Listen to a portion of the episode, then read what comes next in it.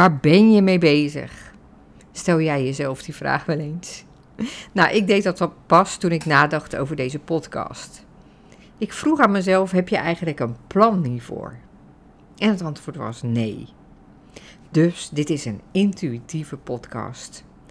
Ik heb er wel over nagedacht. Ik dacht, moet ik het strategischer, strategischer gaan aanpakken? Weet je wel, afleveringen maken met vijf tips voor nog betere content, zes tips voor beter converterende salesgesprekken, zeven tips over hoe je van vrienden op Instagram je klanten maakt, acht tips over hoe je over angst heen komt, negen tips over, nou ja, zo kan ik wel doorgaan tot de 99 of de 100, hoewel 100 tips over iets best wel uh, een lange podcast zou worden.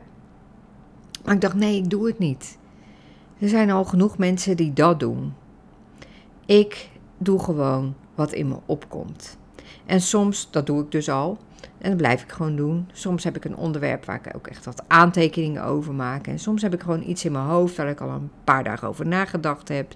En dan ga ik het gewoon vertellen. Nou, tot nu toe heb ik er nog geen klachten over binnengekomen. Als jij wel een klacht hebt, laat het me weten. Complimenten geven mag natuurlijk ook. Ga ik ook even aan jou doen. Een compliment van mij voor vandaag. Want ik weet zeker dat jij vandaag iets hebt gedaan wat gewoon supergoed is. Deze podcastaflevering is weer anders dan alle andere die ik heb gemaakt, omdat die gebaseerd is op een oefening die ik heb gedaan, een oefening van Anne Ponthuis. Zij is schrijfmentor en outdoor journalist. Nou weet je dat ik heel lang journalist ben, ben geweest. Dat is in elk geval een constante in deze podcast. Dat ik dat minstens één keer per aflevering benoem. Maar in mijn tijd was er nog geen outdoor journalistiek. Maar ja, dat zegt, uh, dat zegt wat over mij in mijn tijd. Afijn, ze had een post, post gemaakt over een oefening. Die ging zo. Kies een nummer. En die nummer die hoorde bij een kaart. En die kaart vertegenwoordigde een woord. Ik koos de kaart nummer 4 met het woord vrijheid. En de oefening was: zet je timer op 15 minuten en ga dan schrijven over alles wat in je opkomt als je aan dat woord denkt. En verscheur daarna je papier, verbrand het, gebruik er een apart notitieboekje voor waar je verder niet meer in kijkt, behalve om weer nieuw, een nieuwe oefening intuïtief schrijven te doen, maar lees het niet na. Want het is soms heel goed om dingen los te laten en achter je te laten en ja, te verbranden. Nou, ik heb de oefening bijna goed gedaan. Uh, want wat ik niet heb gedaan is uh, wat ik heb opgeschreven, verbrand of weggegooid of verscheurd of het boek dichtgeslagen.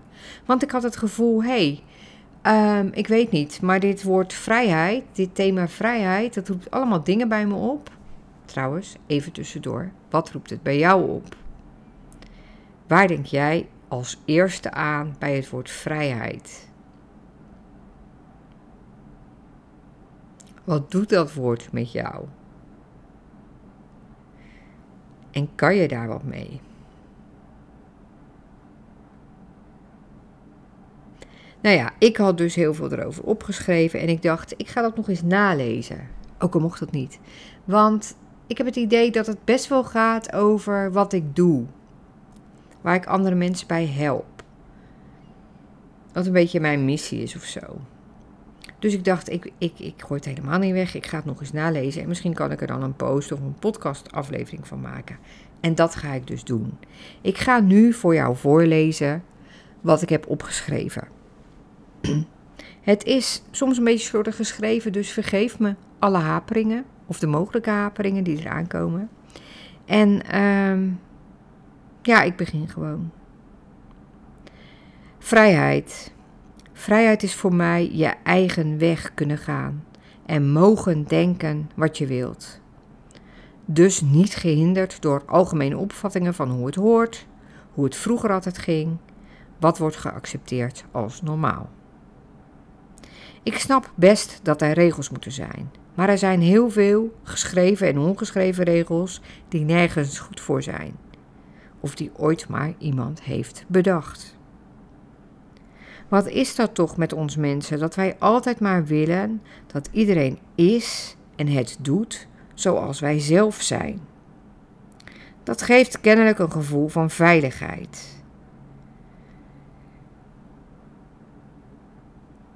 We voelen ons ongemakkelijk als we daardoor gaan twijfelen. Of als we voelen dat wij afwijken. Maar we voelen ons ook ongemakkelijk als iemand anders afwijkt. Is dat omdat we altijd het liefst bij de groep willen horen? Omdat we de groep heel willen houden? Wat dat betreft lijkt het heel tolerant en lief. Maar is dat ook zo? En hoe kan het toch dat juist de mensen die voorstander zijn van diversiteit in organisaties, van gelijkheid, van iedereen mag erbij komen en erbij horen, hoe kan het toch dat juist die groep zo radicaal tegen andersdenkenden uit de eigen groep is? Jij doet niet leuk mee, wordt wel eens tegen mij gezegd. Alsof leuk meedoen de norm is. Alles is angst of alles is liefde, dat is natuurlijk ook nog een waarheid. Is het angst? Is het spannend en eng om aan je eigen overtuiging te gaan twijfelen? Is het eng als niet iedereen hetzelfde doel nastreeft? Is het eng als niet iedereen vanuit dezelfde gedachten en ideeën ergens naartoe wil? Is dat spannend omdat dan de kans kleiner is misschien dat het doel niet wordt gehaald? En als we zeggen het is alles is angst of liefde, dat is angst. Wat is liefde dan? Is het liefde omdat het fijner is om erbij te horen en niet verketterd te worden vanwege je eigen mening of overtuiging? Is liefde een soort bescherming omdat de groep veilig is? Of is liefde uiteindelijk toch niets meer of minder dan zelfliefde altijd? En dat je daarom niet wil dat anderen afwijken. Ik voel de vrijheid niet meer. En dat is naar, ongelooflijk en ook wel pijnlijk. Aan de andere kant voel ik mijn eigen vrijheid. Vroeger was ik meer de aanpasser, meer mainstream. Dat kostte me nauwelijks moeite, het was een veilige, vertrouwde weg. Ik denk wel dat ik soms voelde dat ik meedeed en niet helemaal echt was, maar vaker ging dat vanzelf. Ik denk nu bijvoorbeeld, dat heb ik even niet opgeschreven, maar ik denk bijvoorbeeld aan de muzieksmaak van mijn klasgenoten op de middelbare school. Iedereen hield toen heel erg van ABBA en van de muziek van Grease en zo. En ik vond het allemaal veel te soft. Maar ja, ik deed toch ook maar mee alsof ik dat leuk vond, hoewel ik geen poster van John Travolta op mijn kamer had hangen. Ik had een poster van Yannick Noah, een hele knappe Franse tennisser, die volgens mij later ook iets met muziek is gaan doen. Het was ook hoe iedereen het deed. Hoe iedereen in mijn omgeving dacht en leefde en opereerde. Het kwam niet eens in mij op om een afwijker te kunnen, te willen of te mogen zijn. Eigenlijk, als ik er nu over nadenk, had het ook iets arrogants dat je allemaal hetzelfde moet zijn. Ook al lijkt dat misschien heel insluitend en lief en bij elkaar horen. Dat arrogante zie ik nu ook vaak terug.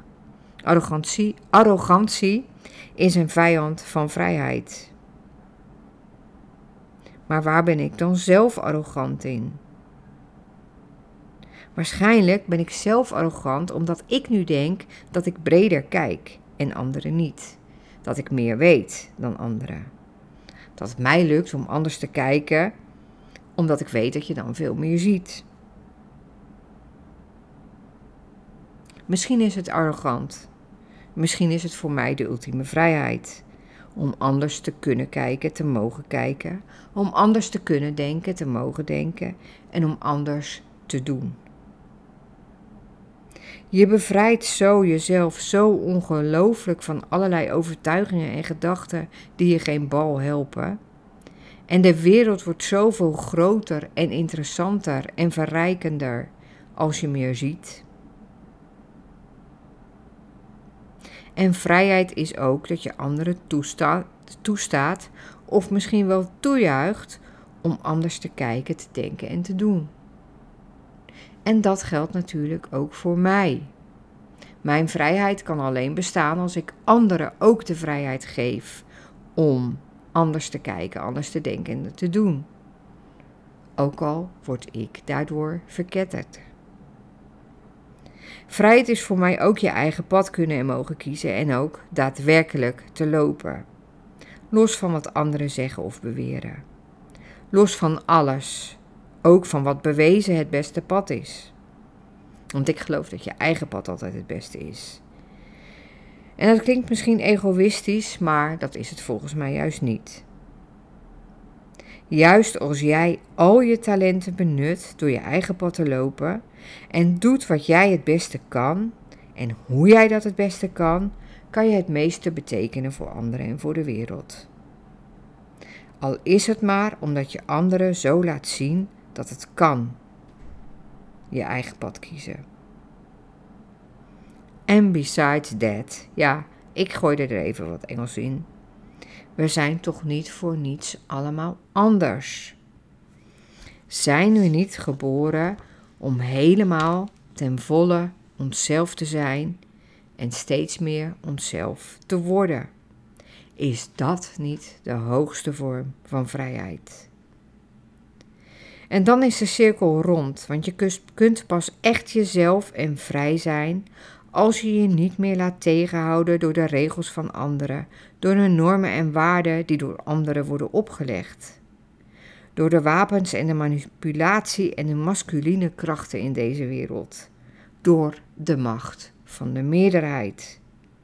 Die nooit is gericht om jou te laten shinen. Om jou boven het maaiveld uit te laten steken. Om jou te horen met je eigen zinnige ideeën en opvattingen.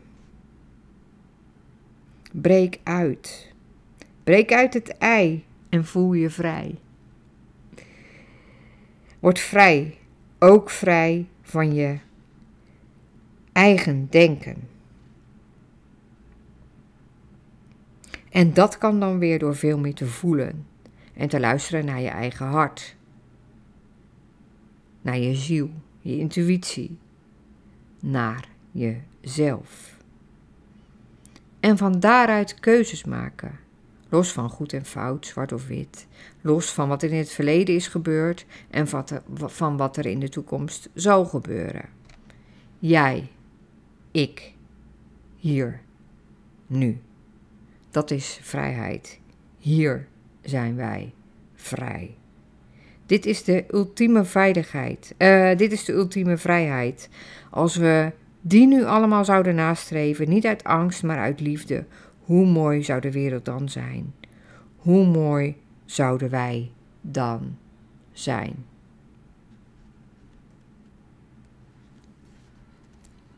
Oké, dit was het. Ik ben benieuwd of het iets met jou doet. En als dat zo is, dan hoor ik het graag. En sowieso dankjewel voor het luisteren. Um, je vindt de oefening in de Instagram feed van Anne, Anne Ponthuis op Instagram. Ehm, maar volgens mij heb ik, hem ook, heb ik hem ook best duidelijk uitgelegd. Ik ben van plan om hem vaker te gaan doen. En uh, ben benieuwd of jij uh, ook enthousiast voor bent geworden van dit idee. Heel graag tot de volgende intuïtieve podcastaflevering. En ik wens je nog een vrije dag.